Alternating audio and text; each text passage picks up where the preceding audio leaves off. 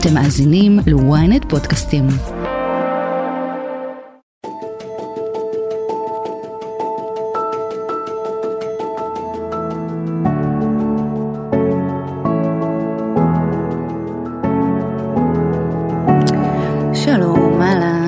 הבאים לאספת הורים, פודקאסט ההורות שלנו כאן בוויינט.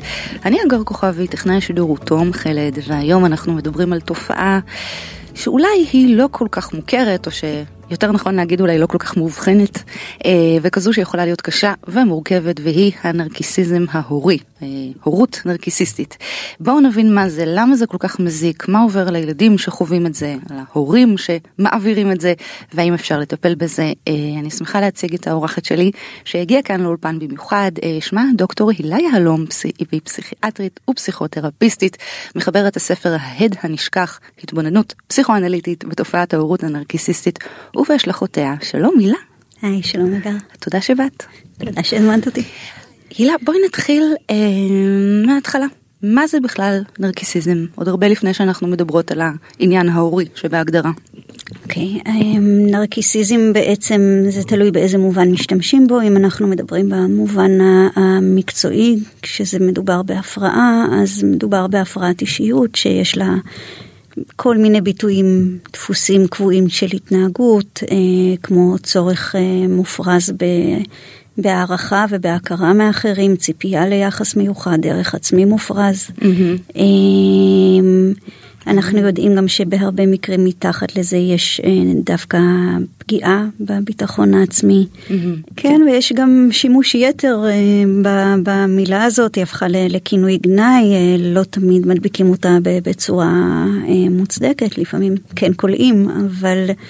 יש מידה של נרקיסיזם בכל אחד מאיתנו שהיא בריאה וצריכה להיות שם. Mm-hmm. בן אדם צריך גם לדאוג ולהיות מושקע בעצמו ו- ו- ו- זה נותן לנו בעצם את, ה, את האנרגיות לעשות אה, דברים חיוביים, אבל mm-hmm.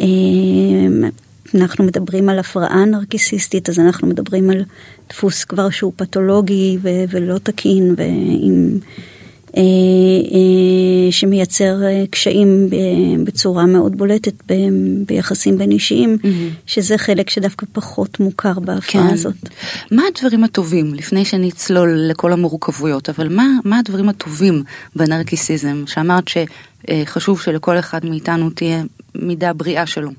אוקיי, okay, אז בן אדם צריך שיהיה איזשהו מושקעות בעצמו, אהבה עצמית, כן, כדי... אה, שיהיה לו את, ה, את הכוחות אה, נפש אה, להיות יצירתי ול, ול, וליזום ו, ופשוט לחיות את, את כן. החיים בצורה שמיטיבה גם עם עצמו וגם לכן עם אחרים.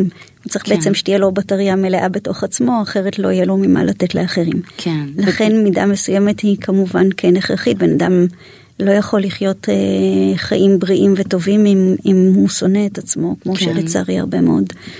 אנשים באיזשהו מקום, כן, יש להם קשיים עם, ה, עם הערך העצמי והאהבה העצמית. אז כן.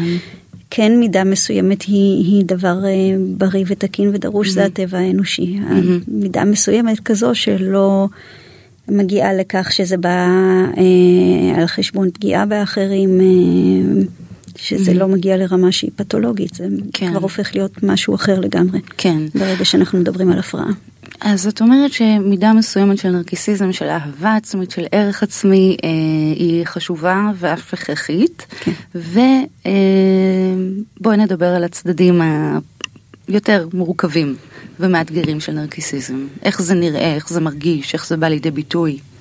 אוקיי, okay, אז אה, בעצם... אה, יש שתי תמונות עיקריות שבהן זה בא לידי ביטוי, אחת מהן היא המוכרת שכל אחד שאומר נרציסט כנראה חושב עליה, וזה נרציזם ש... אה, היה לי מרצה כזה, סליחה שאני קוטעת אותך, היה לי מרצה אה, לפילוסופיה, והוא, הדבר הראשון שהוא אמר על עצמו, אני נרקיסיסט, וכאילו תדעו ו- ותתמודדו. תהיתי אם זה שהוא אומר את זה על עצמו, את יודעת, האם זה אומר שהוא באמת כזה או לא. אה, כן. הם בדרך כלל לא מודעים לזה ברובם, אבל כן, יש גם מקרים כאלה. אוקיי. אמ, הצורה של נרציסט שהוא גלוי, בולט, אה, יהיר, אמ, דורש תשומת לב, רוצה להיות במרכז, אמ, לא יכול לסבול עלבון, בין אם הוא באמת הוא עליו או שהוא דמיין שיש שמץ של עלבון או הקטנה במה שנאמר לו, mm-hmm. מצפה ליחס מיוחד, מה שנקרא entitlement. אמ, זה משהו שאני מאמינה שאין אדם שלא ראה ואולי גם זיהה. כן, אמ, זה חושב שהכל מגיע לו, כן? זה כן, כזה. כן. חלקם אנשים שבאמת יש מאחורי זה גם כישרון מאוד גדול והם בזכות זה מצליחים להגיע נגיד בתחום העיסוק שלהם להישגים מאוד מרשימים.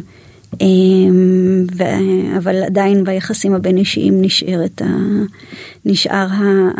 נשארת הפגיעה הגדולה בעצם שזה, שזה מייצר וגם כולל יחסי עבודה איתם וכולי. Mm-hmm. סוג השני אה, בעצם נרקיסיסט שהוא ביישן או סמוי, אה, בעצם על פני השטח אה, הוא נראה צנוע וביישן ולא אחד שדוחף את עצמו, אבל מתחת לזה בסופו של דבר ישנה אותה אמונה שמגיע לו משהו יותר מהאחרים ושבעצם הוא, הוא בעצם יותר נעלה מאחרים ושרק זה עניין של אמור להתבטא ולהתגלות. Mm-hmm. הדפוס התנהגות שלו אחר, אבל בסופו של דבר הפתולוגיה היא אותה פתולוגיה okay. אוקיי. ונובעת מאותם מקומות. Mm-hmm.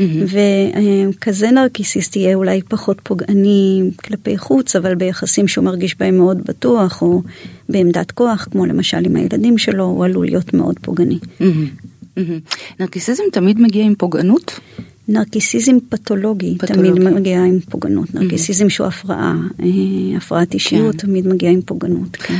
אז הזכרתי ילדים, אז בואי נדבר באמת על, ה, על הנרקיסיזם ההורי או הורות אה, נרקיסיסטית. אה, אני מניחה שגם לה יש רמות ושלבים, כן. איך זה נראה? אוקיי, okay, אז נתחיל מזה שהורות בהגדרתה ובצורה טבעית היא נרקיסיסטית. זה בדיוק מה שרציתי לשאול, האם לא כולנו כאלה? כן, ובצורה מאוד uh, טבעית ותקינה. כלומר, uh, מה שנדרש מאדם כדי לטפל בתינוק בצורה שהיא uh, חסרת טינה ו- ו- ומספקת את כל מה שהוא צריך בצורה מותאמת ו- ומוקדשת לו ברמה שצריכים להקדיש את עצמך לתינוק. אה, כדי לעשות את זה כמו שצריך חייבים גם שיהיה איזה ערבוב עם התינוק, חייבים לראות בתינוק חלק מאיתנו, אין לנו דרך אחרת לתת את מה שילד צריך בלי זה. Mm-hmm. אז בבסיסה ההורות היא תמיד נרקיסיסטית, כולנו רואים בילדים שלנו גם חלק מאיתנו, אה, איז, באיזושהי מידה שלוחה שלנו, מתגאים בהם על זה. אבל שזה הופך להיות כמעט קונקרטי, שבאמת רואים בילד משהו שהוא חלק ממך בלתי נפרד וגם אמור להגיב כאילו הוא חלק מהגוף שלך לרצונך, mm-hmm. שהדברים לא משתנים בהתאם לגדילה של הילד ומתאימים את עצמם, הרי אנחנו מעורבבים עם ילד קטן וצמודים אל ילד קטן בדרך אחרת לגמרי מאשר אנחנו עם, עם מתבגר או עם ילד בוגר, אז במקרים של נרקיסיזם פתולוגי יש איזה... הקפאה של הזמן וחוסר יכולת להבין שהילד גדל ולשחרר ולהתאים את עצמך לזה, אלא מצפים להמשיך להיות מעורב באותה צורה, בלתי נפרד באותה צורה ולשלוט באותה צורה ב- בילד. Mm-hmm. נרקיסיזם הוא לא מידה באמת מופרזת של, אה, של אהבה עצמית, זה מה שנראה כלפי חוץ. Mm-hmm. הבסיס של ההפרעה הנרקיסיסטית אה, הוא בסופו של דבר ההפך, מתחת לזה יש חוסר בערך עצמי, פגיעה בערך עצמי שגורמת להם לי דווקא לעשות משהו הפוך ו- ולהתגונן במין גרעין של uh, עצמי גרנדיוזי, זה נקרא, של לחשוב כמה הם נפלאים ונהדרים. כן. בגלל שזה כל כך לא אמיתי, אז כל דבר קטן יכול לפוצץ את הבועה הזו, ולכן אי אפשר לשאת כל דבר מהמציאות ש... אה, שסותר את הגדלות, לכאורה, שהאדם הנרקיסיסט חש שיש לו. כן. ואדם כזה מול הילדים שלו באמת אה, יתקשה לתפוס אותם ולראות אותם כבן אדם נפרד, או להיות, לתת להם להיות בן אדם נפרד. כן. הנרקיסיזם הבריא הוא כן מידה תקינה ובריאה של אהבה עצמית, זה כן. אני מבינה. איך עוד הנרקיסיזם ההורי נראה? אוקיי, okay, אז בעצם אני מדברת בספר, חילקתי את זה לשמונה מאפיינים, כי ממה שאני ככה חקרתי וראיתי בקליניקה, אמ, אפשר היה לחלק את זה לשמונה, לשמונה מאפיינים התנהגותיים עיקריים של ההורה. אז בראש ו, ובראשונה זה החוסר נפרדות. אמ, לילד אסור להיות שונה ממה שההורה, אסור לו שיהיה לו דעות שונות, אסור לו שיהיה לו רצונות שונים. אמ, ההורה רוצה שהילד... ילך ללמוד תחום מסוים, יתנהג בצורה מסוימת, ידבר בצורה מסוימת, ככה, ככה זה צריך להיות.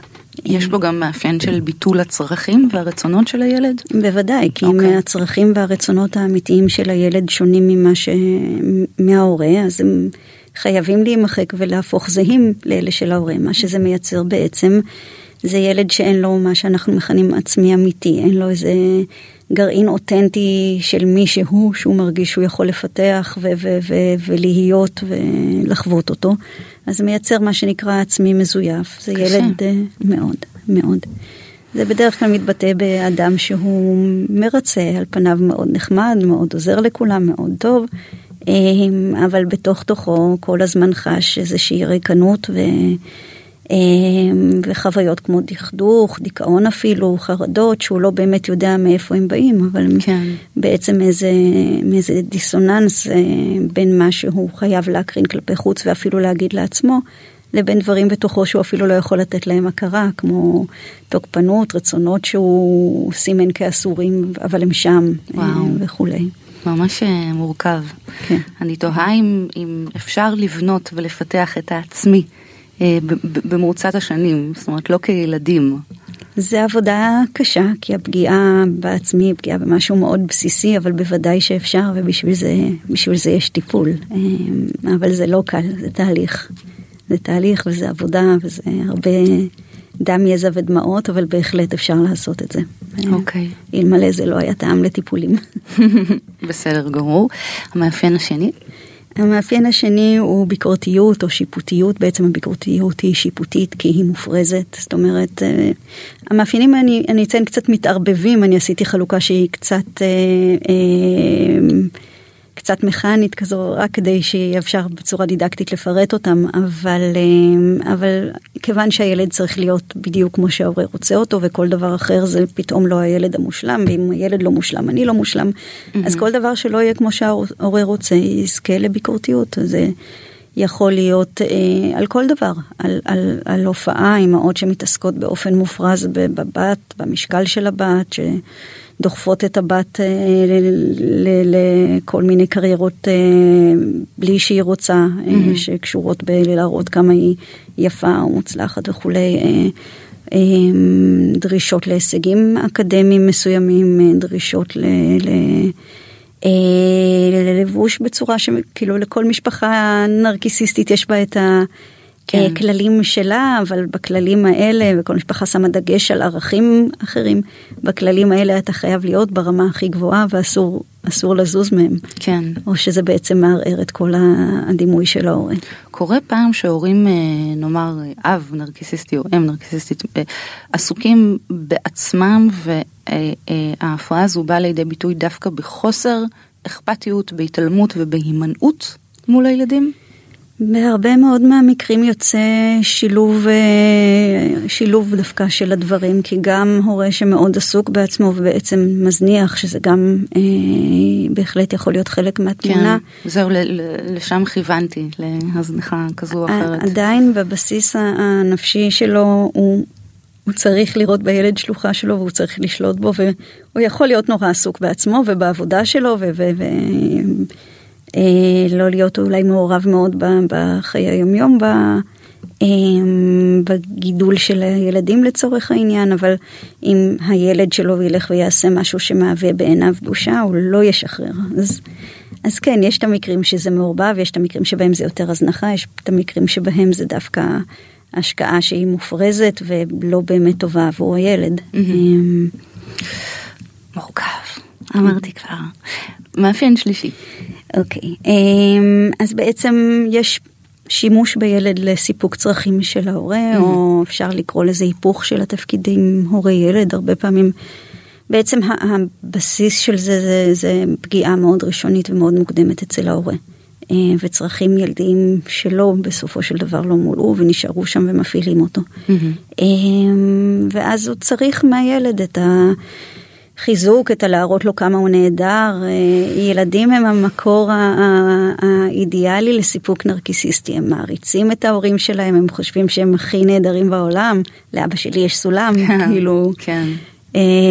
הם, הם לא, לא יכולים לחשוב בכלל בגילאים מסוימים שההורה טועה או שמשהו, אז זה סיפוק נרקיסיסטי אחד גדול, כן. האהבה וההערצה ש, שילד נותן, הכוח שיש לך על הילד, היכולת שלך לגרום לו לעשות מה שאתה רוצה, גם מספק את הצורך הזה בשליטה. כן. מתי להערכתך בשלב הזה, זאת אומרת, מתי ילדים עוברים את המקום שבין הערצה עיוורת, כמו שאת אומרת, להורה, לבין איזושהי תחושה שיש כאן משהו שהוא מוגזם, שהוא לא במקום, שהוא לא בסדר, או שהם לא מודעים לזה בכלל. אז ברוב המקרים אני חושבת שאפשר להגיד שהם לא נעשים מודעים לזה, הם מרגישים שמשהו לא תקין, הם לא מבינים שזה משהו שקשור בהורה או חיצוני להם, הם ירגישו שהם בדיכאון, הם ירגישו חרדות, הם ירגישו ממש עינויי נפש, או, או כן. אה, ששמעתי ממטופלים ממש הרגשה שהם רצו לטפס על הקירות, אבל לא הבינו מה, מה קורה להם או למה, ריקנות זה, ריקנות היא הרבה פעמים אה, תלונה עיקרית, באים ואומרים, אני מרגיש ריק ולא נהנה ולא טוב לי, אבל אני לא יודע להגיד יותר מזה. והקטע הוא שהם לא ידעו לחבר את זה להורה שלהם, אה, הם לא ידעו לתת לזה שם, זה רק כן. הופך את זה אפילו לעוד יותר הרגשה שהם משתגעים בעיני עצמם, כי, כן. כי הם מרגישים כל כך רע וכל כך מתענים ואין להם, להם בכלל התחלה של הבנה מה גורם לזה ומה קורה כן. להם. וגם אם מדברים על uh, התנהגויות מסוימות או הפרעות מסוימות, אני לא, לא, לא חושבת, תתקני אותי אם אני טועה, שהפרעה נרקיסיסטית היא כאילו הדבר הראשון שגם עולה בראש. באיזה מובן הדבר הראשון שלנו? כשאנחנו מדברים, לא יודעת, כשאני ככה מנסה ללכת אחורה ולהסתכל על פצעי הילדות שלי, לא אני באופן אישי, אלא בן אדם, אני, אני בעצם אומרת שההפרעה הזו, אני לא חושבת שהיא מספיק מוכרת, מדוברת, לא. מאובחנת, כדי שהיא תהיה הסיבה הראשונה או השנייה שתעלה לאדם בראש כשהוא ינסה להבין מה קורה איתו או מה קרה לו בילדות. לא, לא, ברור. אה, בן אדם שהוא לא איש מקצוע, ברוב רובם של המקרים לא, לא יסתכל ויגיד ההורה שלי נרגיסיסט. גם אם אנחנו מדברים כאן על איזה סקאלה של חומרה, אז אולי במקרים הכי קיצוניים, אז את יודעת, כן, בן אדם יזהה את זה, גם אז לא בטוח, אבל ברוב רובם של המקרים כן. מאוד אה, נדיר שבן אדם יבין שזה מה שיש להורה שלו, או בכלל יראה שמשהו לא בסדר עם ההורה, כי חלק מובנה בהפרעה זה איזשהו עיוורון, אתה מפנים את זה שאסור לך לראות את ההורה כמשהו חוץ מנהדר ו- ונפלא ולהיות אסיר תודה אליו. כן. זה מה שמיום אפס אומרים לך כילד. כן. אמ, וילד משתף עם זה פעולה. אמ, יש אה, איזה משפט של אה, פרברן, הוא אחד מההוגים הפסיכואנליטיים הגדולים, שמוטב להיות חוטא בעולם שנשלט על ידי אלוהים. מאשר לחיות בעולם שנשלט על ידי השטן. Mm.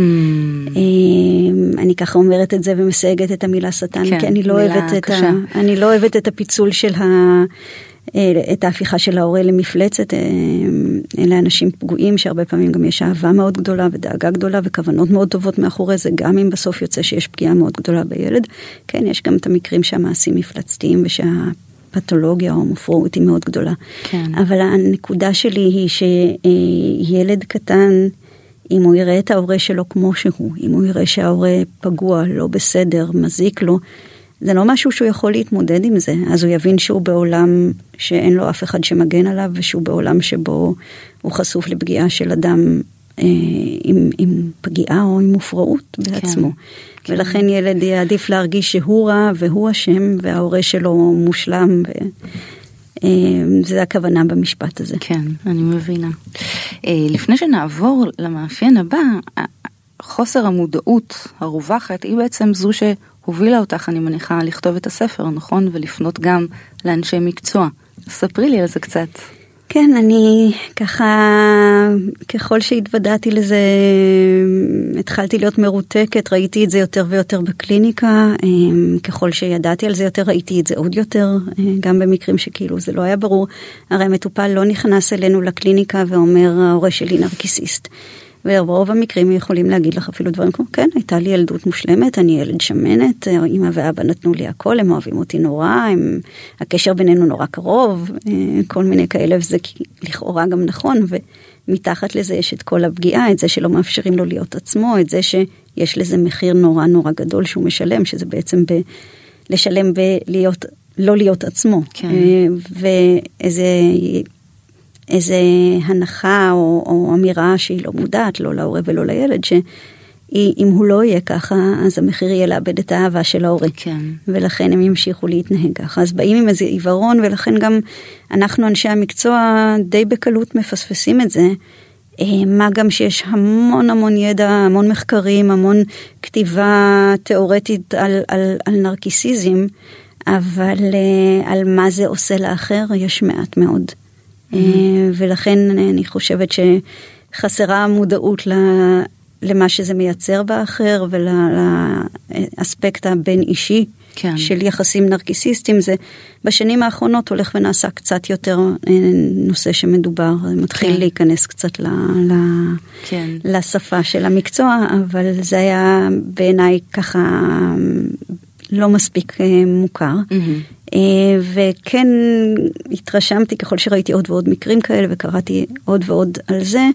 שבעצם מדובר בדפוס כמו שנרקיסיזם הוא דפוס אז מה שזה מייצר באחר דפוס הפגיעה, אה, הדפוס של מה שזה עושה לנפש של מי שבקשר קרוב עם אדם אה, עם נרקיסיזם פתולוגי, הוא גם דפוס מאוד אה, ברור ומאוד חוזר על עצמו, וחשבתי שזה משהו שראוי להכרה ושצריך לזהות אותו, כן. ובעיקר כשזה ילד זה ממש בעצם מסטט את האישיות של הילד להיות ברוב המקרים דפוס מאוד מסוים של, אה, כן. של אישיות.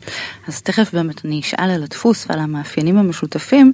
אה, שאלתי מקודם על היקף התופעה ואמרנו שאין נתונים מאותן סיבות אה, שציינת כרגע, אבל על הנרקיסיזם עצמו אנחנו יודעים עם מה אנחנו מתמודדים פה?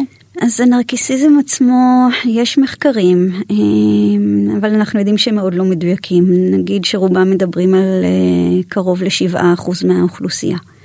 אמ, אבל הרבה מהם זה לפי שאלוני דיווח עצמי, רוב mm. האנשים עם נרקיסיזם פתולוגי לא ידווחו שמשהו אה, לא תקין איתם, mm. הם גילו שבמחקרים כאלה דווקא הם נתנו לקרובים לענות על השאלונים הם זיהו יותר מדויק, כן. אה, אז כנראה שזה יותר מזה. כן. ושוב, והשאלונים האלה מכוונים בעיקר לזהות את הנרקיסיזם המאוד אה, גלוי, המאוד יהיר, המאוד, ולא כל כך את הסמוי, כך שכנראה כן. שזה הרבה יותר. כן. יש גם דיבורים על זה שבדור, בעידן שלנו זה הולך ועולה, כי אנחנו חברה שמאוד מעודדת את זה, בניגוד לחברות אה, שבטיות, מסורתיות. אה, כן. אה, ששם זה כנראה פחות. אז נמשיך במאפיינים? מה את אומרת? ומה היינו? היינו ברביעי לדעתי. אמ, כן, הגענו לרביעי, שזה בעצם אה, צורך בשליטה, שמשיגים אותו בכל מיני דרכים. ההורה צריך שהילד יעשה מה שהוא רוצה וייכנע בעצם לרצונו. אה, איך עושים את זה? אז דרך מניפולציות למיניהן, למשל אם הילד... לא מגיב כמו שההורה רוצה, אז אפשר אה, להקטין אותו, להעליב אותו, לגרום לו להרגיש שהוא לא בסדר, אפשר לסחוט אותו רגשית ולגרום לו להרגיש שהוא רע ו- ומעליב את ההורה. אפשר להשתמש בכסף כדי לגרום לו לעשות מה שאתה רוצה, אם תעשה אני אתן לך, או לחלופין, אה, אם לא תעשה מה שאני רוצה אז אני... אני לא אקנה לך את זה, אה, אני לא אממן לך את הלימודים, אני אנשל אותך מהצוואה, זה mm-hmm. משהו שקורה לא מעט. אה. זה מגיע לידי ביטוי גם בהפחדה, באיומים, באלימות? אה, אלימות פיזית היא בקצה הקיצוני של המנעד הזה, אבל כן, יש גם את המקרים האלה שבהם זה גם מגיע לאלימות פיזית. זה יכול לכלול כן הרמות קול, שפת גוף שבעיני ילד בטח היא, היא מאוד מפחידה ומאוד מאיימת. אה, תוקפנות שהיא מאוד מאוד קשה, לא בהכרח עד כדי אלימות פיזית, אבל בהחלט במקרים הקשים יותר זה כולל גם את זה. בהחלט. זה כן. קשה, קשה, קשה לי, קשה לי עכשיו. את יודעת, אני חושבת על כל הילדים הקטנים וחסרי הישע שמתמודדים עם העניין המאוד מאוד מורכב ומסועף ומסובך הזה. את יודעת, למי יש סיכוי בכלל? אני לא חושבת שלילד יש סיכוי מול זה, אולי כן. אם ההורה השני מודע ורואה את זה ואיכשהו מתקף ומנסה לתקן כמה שאפשר ולתת לילד חוויה אחרת, אולי אם איכשהו הילד מגיע בגיל מאוד צעיר לטיפול והמטפל עושה את העבודה הזאת, אבל אחרת לילד אין באמת סיכוי מול זה, הוא חייב לראות את ההורה כצודק ומושלם מהסיבות ש... כן. שהסברתי מקודם, ודווקא במקרים שאין אלימות פיזית זה אפילו עוד יותר קשה לתפוס, כי... כי גם ילד קטן בסוף מבין שאם ההורה נותן לו מכות זה לא תקין ולא צריך להיות ככה ומשהו mm-hmm. עם ההורה לא בסדר אבל כשזה נעשה בצורה שהיא מאוד סמויה מאוד אה, מאוד אה, נסתרת במניפולציות קטנות במניפולציות רגשיות כאלה. Mm-hmm. במה שהוא מילה מאוד מדוברת היום, גז לייטינג, כן. גזלות הדעת. כן, בואי נסביר את זה ככה שנייה. אמ, אז זה בעצם אה, מניפולציה שאדם עושה לא תמיד במודע על אדם אחר אה, כדי לגרום לו לערער את, ה... כדי לערער את האמונה שלו במה שהוא חווה כמציאות. זה בעצם המקור זה, זה מסרט ש, שנקרא אורות הגז, גז לייט מ-1940 או 40. 44 הסרט. כן. זה היה לפי מחזה אבל לא, לא משנה. ובסרט יש בעצם אה, גבר שהחליט שהוא רוצה לגרום אה, לאשתו להשתגע והוא עושה את זה בעזרת מניפולציות כמו לעמעם את אורות הגז בבית, הסרט כאמור ישן היה אז אורות גז ב... אה, ו- וכשהיא אומרת שמשהו השתנה אז הוא אומר לה שהיא מדמיינת ככה הוא עושה מניפולציות מסוג זה עד שהיא באמת מרגישה כן. שהיא משתגעת והיא לא יכולה להאמין לחושים שלה. כן. אז למשל ילד שבא ואומר שההורה פגע בו באיזושהי צורה, עשה משהו, הורה יכול להגיב, ב, אתה מדמיין, זה לא קרה, אה, או אתה רגיש מדי, כן. כשהמסר זה בעצם, אני לא עשיתי שום דבר לא בסדר, כן. משהו לא בסדר בך אם אתה מרגיש ככה. לא משנה כמה פוגעני או קשה מה שעשיתי לך. אה, ובסוף זה מוחק את היכולת של הילד אה, להאמין למה שהוא מרגיש או לזהות כשפוגעים בו mm-hmm. או, או להיות אסרטיבי מול פגיעה ולשים גבול. אז בואי נדבר נסיים באמת את המאפיינים ואז אני אשאל שאלות על הילדים. אוקיי, okay, אז אה, יש בעצם כשלים באמפתיה, היכולת אה, לאמפתיה זה בעצם היכולת לשים את עצמך בנעליים של מישהו אחר, להבין מה הוא מרגיש, אבל בלי להתערבב איתו, בלי להרגיש בדיוק כמוהו באותו mm-hmm. זמן. אמ, ובעצם אה, זה אחד המאפיינים אפילו ב-DSM, בתנ"ך של הפסיכיאטריה, שאחד המאפ... יש רשימה של כמה מאפיינים אבחנתיים שצריך למלא אה, כך וכך מתוכם כדי לאבחן נרקיסיזם, זה אחד המאפיינים, כי יש פגיעה ביכולת להרגיש אמפתיה. ב... שמבוססת על זה שאתה לא באמת רואה את האחר כ- כנפרד. ו... כן. אמ, אז... אגב, גם ילדים שחוו אה, ילדות עם הורה נרקיסיסט, גם להם אה, תתקיים איזושהי פגיעה באמפתיה? ברוב המקרים. חוץ? ברוב המקרים כן, מכיוון שא' זה משהו שאנחנו לומדים גם בדרך modeling, דרך לקבל את זה, לראות את זה, זה לא אומר שילד שלא קיבל את הדברים האלה בהכרח לא יוכל לתת אותם, אבל, אבל כן, זה בעצם הפרעה שיש בה העברה בין דורית מאוד מאוד חזקה. הורה נרקיסיסט מייצר ילד שבצורה כזו או אחרת תהיה לו הרבה מדפוסי ההתנהגות האלה. גם אם ההורה הוא, הוא נרציסט גרנדיוזי מאוד יהיר מאוד זה הילד אולי לא יהיה בדיוק זה אבל הרבה מהמאפיינים כן. כן. אמ, קושי לראות אחרים קושי בנפרדות קושי באמפתיה יכול להיות שם גם בלי שהוא יהיה אמ, כן. עם כל המאפיינים של ההורה מבחינת הנרקיסיזם שלו. אז באמת דיברנו קצת עכשיו על הילד בואי נדבר נגעת בזה גם קודם אבל הייתי רוצה אה, יותר להבין מה עובר על הילדים ש, שגדלים בבית כזה, מה החוויה שלהם? אוקיי, okay, אמ, um, אז החוויה שלהם באמת, um, אני חושבת אולי הבסיסית ביותר זה שהרגשות והצרכים שלהם לא לגיטימיים. Um, ושהדרך שלהם להתנהל בעולם ולקבל אהבה, הגנה, ביטחון, היא למחוק את עצמם ולרצות את האחרים, כי אחרת זה מסוכן להם. כן.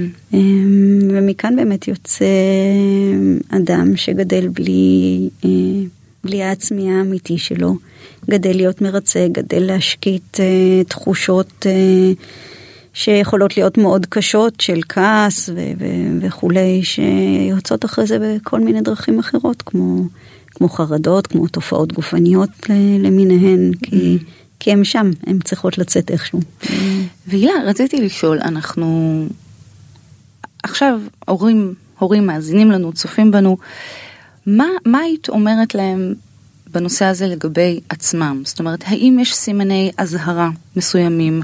האם אה, הורה שעכשיו מאזין לו ואולי מזהה בעצמו חלק מההתנהגויות או הדפוסים האלו, מה, מה עליו לעשות? אוקיי, okay, אמ, um, אז מצד אחד אני לא הייתי רוצה שהורים יקשיבו וייבהלו וישר יתחילו להרגיש אה, רע עם עצמם, כי כמו שאמרנו, מידה של נרקיסיזם יש, יש בכל אה, הורה, זה חלק מובנה ונדרש מההורות. מצד שני, אם הורים מזהים בדפוס התנהגות שלהם מול הילד את הדברים שאני מתארת, וזה משהו שהוא עקבי וחוזר על עצמו ולאורך זמן, אז זה משהו שבאמת יכול להיות ש, שכן, שהוא לא טוב עבור הילד ושאולי שווה להתייעץ עם, עם איש מקצוע לבחון את זה. יש, אה, אני אשאל את זה אחרת, האם יש, מהן הגישות הטיפוליות או הכלים שבהם אה, אפשר לטפל בהפרעה הזו? אוקיי, okay, אז אין באמת מחקרים שאומרים מה השיטה הטיפולית הכי נכונה מבין הטיפולים הפסיכולוגיים השונים. אמ, היום הולכת ועולה שיטה שנקראת אה, Transference Focused Psychotherapy, אה, פסיכותרפיה ממוקדת העברה, העברה זה תהליך שקורה בתוך טיפול שבו בעצם אה, חוויות עם דמויות ראשוניות ורגשות כלפיהם וכולי מושלכים על המטפל ואתה מרגיש אותם כלפי המטפל ואז כל מיני דברים משתחזרים מול המטפל שקרו לך גם עם ההורים. אמ, אז אה, זו שיטה שפיתח אה, אוטו קרנברג, פסיכיאטר אה, מגדולי הפסיכואנליטיקאים, ממש אחרון הדינוזאורים ש, שעדיין חיים. אמ, ייבדל לחיים ארוכים. אמ, וזה בעצם שיטה שהיא מבוססת מחקר ו- ו- ונועדה לטפל בהפרעת אישיות נרציסטית, זה מאוד ממוקד לזה. אמ, אבל בין, שוב, בין השיטות לא באמת אה, אפשר להצביע על אחת שהיא נכונה, זה... נורא כן. נורא חשוב הקשר עם המטפל, אה, ושזה יהיה מטפל אה, טוב ומקצועי ומסור, ושהקשר הטיפולי יהיה טוב. כן. יותר חשוב כנראה מהשיטה. השיטות, אז יש הרבה, יש פסיכותרפיה שהיא אה, בגישה פסיכואנליטית או פסיכואנליזה ממש, שזה אומר בעצם טיפול שהוא מאוד אינטנסיבי, זה ממש פסיכואנליזה, זה ארבע פעמים בשבוע, אם זה בגישה פסיכואנליטית זה יכול להיות גם פעם או פעמיים. כן. יש גישות שהן יותר קוגניטיביות התנהגותיות שהן יותר אה, להסתכל אה, ולזהות דפוסים ו- ובצורה מאוד מודעת לנסות ל- לחשוב על חלופות ולרשום כן. חוויות ומה החלופות שאפשר היה לעשות איתם דברים מסוג זה. אה, אין אחת שבאמת אה, היא הנכונה. אני נוטה להאמין שטיפולים אינטנסיביים ו... וממושכים הם אלה שבאמת מייצרים שינוי עומק. כן. ועכשיו באמת התייחסנו להורים, ואני, כולנו הרי ילדים של ההורים שלנו, אז אותם ילדים בוגרים שככה מקשיבים לנו עכשיו, הורים בכובע של ילדים, ואומרים, וואו, וואו, וואו, נפלו לי אסימונים, אימא שלי כזאת, אבא שלי כזה. אמ, גם להם אני מניחה שהיית ממליצה את אותה המלצה, ללכת, לבדוק. לבחון ולטפל. בעיקר להם, מכיוון שבמקרה להם. של נרקיסיזם פתולוגי זה נדיר שבאמת ירצו טיפול, הרי חלק מובנה מזה זה חוסר יכולת להכיר שאני לא מושלם, זה מפוצץ את כל הבועה. כן. וזה מערער ברמה שהם לא יכולים לשאת, כי הפגיעות שמתחת לזה היא בעצם כל כך גדולה. כן. אמ, אז כל דבר שמזכיר את המציאות שאומרת אני, אני לא מושלם, יש בי פגמים, הוא בלתי, בלתי נסבל מבחינתם. כן. אני רוצה לחדד עוד נקודה. דיברנו על הנזק שההפרעה הזו עלולה לגרום. ויכול להיות שיהיו הורים שיקשיבו ואת יודעת יגידו אז מה קרה אז מה כבר קרה אה, ואני בכל זאת הייתי רוצה לחדד את הנזקים שהפרעה כזו עלולה לייצר דיברנו על אה, עצמי מזויף דיברנו על אה, אין אין אני אין עצמי בכלל אבל איך הדברים האלה באים לידי ביטוי. אוקיי, okay, אז כשמדובר באמת, שוב, לא שכל הורה ילך ויבחן את עצמו ככזה חלילה, אבל כשמדובר בהורה עם פתולוגיה נרקיסיסטית משמעותית, לא כל שכן אם זה שני ההורים, אה, אז, אז זה, זה נזק זה, ש... זה קורה אגב? זאת אומרת, זה קורה, לרוב... שנרקיסיסט נמשך בהכרח למישהו שהוא דומה לו. זה בדרך כלל קורה, בדרך כלל מה שקורה זה שאחד הוא נרקיסיסט מאוד גרנדיוזי, מאוד, שוב, היהיר, הבולט, זה, והשני הוא סמוי, ו... mm. ומגשים את הנרקיסיזם שלו דרך ההצלחה של האחר, זה בדרך כלל הדפוס, אבל כן זה קורה אה, לא מעט, אה, השילובים האלה. כן. אה, וילד שגדל עם הורה כזה, אני, אני אומרת שזה משהו שהורס את הנפש ממש מהיסוד. כי, כי הדברים הכי בסיסיים אה, בעצם ברמה של האמון בעולם, באנשים, משתבשים. אה, זה מייצר אה, חוסר ערך עצמי, אה, הכשלה עצמית, אה, זה מייצר אדם שנוטה לשחזר אחרי זה קשרים ולהיכנס לקשרים שהם לא טובים עבורו, שכמו שאמרתי לא מסוגל לזהות אפילו כשמישהו פוגעני כלפיו, מתרץ עבור אחרים את ההתנהגות הפוגענית שלהם, מאשים את עצמו, מוכן לספוג יחס שבן אדם בריא אה, שיש לו איזה עמוד שדרה של ערך אה, עצמי כמו שאמור להיות, לא, לא יהיה מוכן. מתקשה לשים גבולות, כי מגיל אפס הוא קיבל בראש כל פעם שהוא ניסה לשים גבול, אז הוא לא יעז, אז הוא נתון לניצול ולפגיעה בכל מקום. כן, אה, הוא ממש צריך אה, לגלות את העולם, נכון? לגלות מה הוא אוהב, מה הוא רוצה. מה אוהב לאכול, איזה צבע הוא אוהב, אפילו ברמות האלו. ויותר מזה לתת לעצמו את, ה, את הלגיטימציה לזה שיהיה לו צרכים ורצונות משלו, כשבעיני ילד כזה זה יכול להיות דבר שהוא כל כך אסור. זה קשה לדמיין, באמת, זה נשמע ככה בתיאור אה, שלא קשור לאדם מסוים, זה נשמע בלתי נתפס, אבל, אבל כן, זה, זה מה שמייצר, אה, ועם עינויים נפשיים מאוד מאוד מאוד גדולים. אה, כן. עם חרדות, עם דיכאונות שהם לא יודעים למה לחבר. קשה. אנחנו קצת מתקרבות ל- ל- לקראת סיום. אמ, יש לנו איזושהי פינה קטנה, אז לפני הפינה אני אשאל אותך, האם יש משהו נוסף שאת רוצה לומר בהקשר מסר להורים, מסר לילדים, מסר לאנשי המקצוע ולמטפלים? הבמה שלך. אמ, קודם כל אזכיר שלא אמרנו את כל השמונה מאפיינים עדיין אבל זה בסדר זה מי נכון. שרוצה ילך ומוזמן לקרוא. השארנו כן פתח לסקרנות. אמ, למטפלים אני אני חושבת שהסיבה באמת שהיה לי נורא חשוב לכתוב את הספר זה שגיליתי ש, שנוצר כאן איזה נתק בין הקהילה המקצועית של המטפלים לקהילה של האנשים שצריכים אותה. נוצר אותם, נוצר ממש ז'רגון שהוא לא ז'רגון מקצועי אלא ז'רגון עממי של האנשים שחוו את זה ויצרו פורומים אה, וכל מיני דברים ברשתות חברתיות וגם אה, כשנכנסתי לזה ורציתי לחקור עוד את זה גיליתי מלא ספרים נגיד באמזון של אנשים שמתארים את החוויה שלהם כילד לא נרקיסיסט. יש ירקון שלם והכרה של העולם והכרה של הדפוס שזה עושה של, של, של ההתנהגות של ההורה ומה שזה עושה לילד אבל זה ז'רגון שהוא לא מחובר לקהילה המקצועית וכשבן אדם נכנס לקליניקה והרי לא יגיד לך כאמור ההורה שלי נרקיסיסט ואנשי מקצוע טובים בצדק גם לא באים ומאבחנים ולא יגידו למטופל ההורה שלך נרקיסיסט ולא לא ימהרו לאבחן בן אדם שלא יושב מולם זה כן. על פניו לא מקצועי אז מאוד מאוד קל לפספס את זה ולהישאר רק עם העולם הפנימי של המטופל. ו... בעצם לא להכיר בזה שקרה כאן תהליך שהוא בעצם טראומה לכל דבר, ושעד שלא נכיר בזה שהייתה טראומה וניתן לה שם, אה, וניתן למטופל את השם שלה, אז הוא לא יוכל להחלים ממנה. כן. אה, ולכן זה משהו שחשוב היה לי להעיר בשביל אנשי מקצוע, כי, כי באמת דווקא השתדלתי לקחת גם מהז'רגון ולתת לו מילים אה, והבניה כן. תיאורטית מקצועית כדי לעשות את החיבור הזה. כן, כן. אמ, אני קראתי את הספר, סיפרתי לך, ובאמת היה איזשהו חיבור. אה, אה, באמת הרגשתי שאת מדברת ככה בכמה רבדים, את מדברת גם למטפלים וגם להורים וגם לילדים ואיזשהו עירוב של מושגים שהיה מאוד מחכים ומלמד אגב, מאוד מאוד. בסדר גמור, אז נקשיב ל... אוקיי, נעבור לפינה, פינה. מאלף ועד תף, לקסיקון האורות הגדול.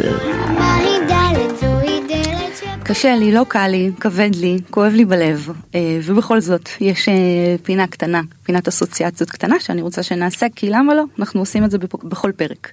אז אני סופרת אה, א' ב' בראש, בלב, תעצרי אותי ונמשיך משם. אוקיי. סבבה? טוב, אז א', עצרי. י'.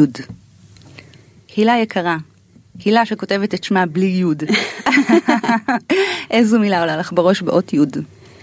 אמ, וואו, התקלת אותי. מהר, מהר, מהר. מה שעולה, מה שעולה, מה שעולה, מה שעולה. יחסי אובייקט. זה מושג מקצועי, לא אבל... ציפיתי כאילו לשום דבר אחר. אוקיי, אז מה זה יחסי אובייקט בשבילך? אוקיי, אז בעצם זה מושג אה, מקצועי בפסיכולוגיה, שזה בעצם ה- ה- היחסים שלנו, איך שאנחנו לומדים לחוות היחסים עם אחרים ואת העולם, אה, נבנים לפי היחסים הכי ראשונים שלנו, היחסים עם ההורה. היכולת שלנו להאמין אה, ש, שנקבל את מה שאנחנו צריכים, היכולת שלנו גם עם הזמן לחבר שגם באובייקט, באדם שאנחנו זקוקים ממנו למשהו וגם בנו יש גם חלקים טובים וגם רעים ו, ואפשר להחזיק את זה ששניהם ביחד. אה, בעצם נרקיסיזם הפגיעה הבסיסית בו היא פגיעה ביחסי האובייקט, לכן אני גם רוצה להדגיש שאני לא, לא קל לי אם הנרציסט הוא מרושע ו, ונכון הרבה פעמים הדברים שנעשים איומים ונוראים או שזה נהיה בן אדם שהוא מאוד פגוע מאוד קשה מאוד פוג, פוגע, פוגע ופוגעני אבל בגדול זה פגיעה אפשר להגדיר את הנרקיסיזם כ, כהפרעה קשה בוויסות הערך העצמי יחד עם פגיעה קשה ביחסי האובייקט שזה דבר שמתפתח מאוד ראשוני. כן, וואו. המילה שלי עלתה בראש היא ילדות, ו- ו- ו- ולא יודעת, את יודעת, הילדות היא החוויה המעצבת, המעצבת אה, שלנו, של כולנו, אז כאילו הורים, ת- ת- תזכרו את זה, אתם אחראים פה לסיפור חיים של מישהו, לכו, תבינו, תטפלו. את יודעת, אם אה, שאלת על מסר אל, אל ההורים, אז כאן אולי דווקא המסר האופטימי, ילדותי השנייה. יש לכם אפשרות לעשות אחרת ולעצור את ההעברה הבין-דורית ול- ולחוות ילדות אחרת עם הילדים שלכם ו- ו- ולעשות תיקון דרכם. יופי של מסר אה, לסיום התוכנית. לקחתי דוקטור הילה יהלום. אני רוצה ממש ממש להודות לך על השיחה הלא קלה אבל המרתקת הזאת שאני באמת מקווה שהיא אני בטוחה שהיא גם תלמד הורים על עצמם וגם אה, תעניין ותעזור. אז המון המון תודה לך דוקטור הילה יהלום מחברת הספר העד הנשכח תודה רבה לטכנאי השידור שלנו תום חלד. תודה רבה לכל המאזינים ולכל הצופים. אה, תמשיכו לצפות לעקוב לכתוב תעקבו אחרינו בספוטיפיי. בספוטיפיי ובאינסטגרם ובכל המקומות שצריך. אני אגר כוכבי, ניפגש בפרק הבא. ביי.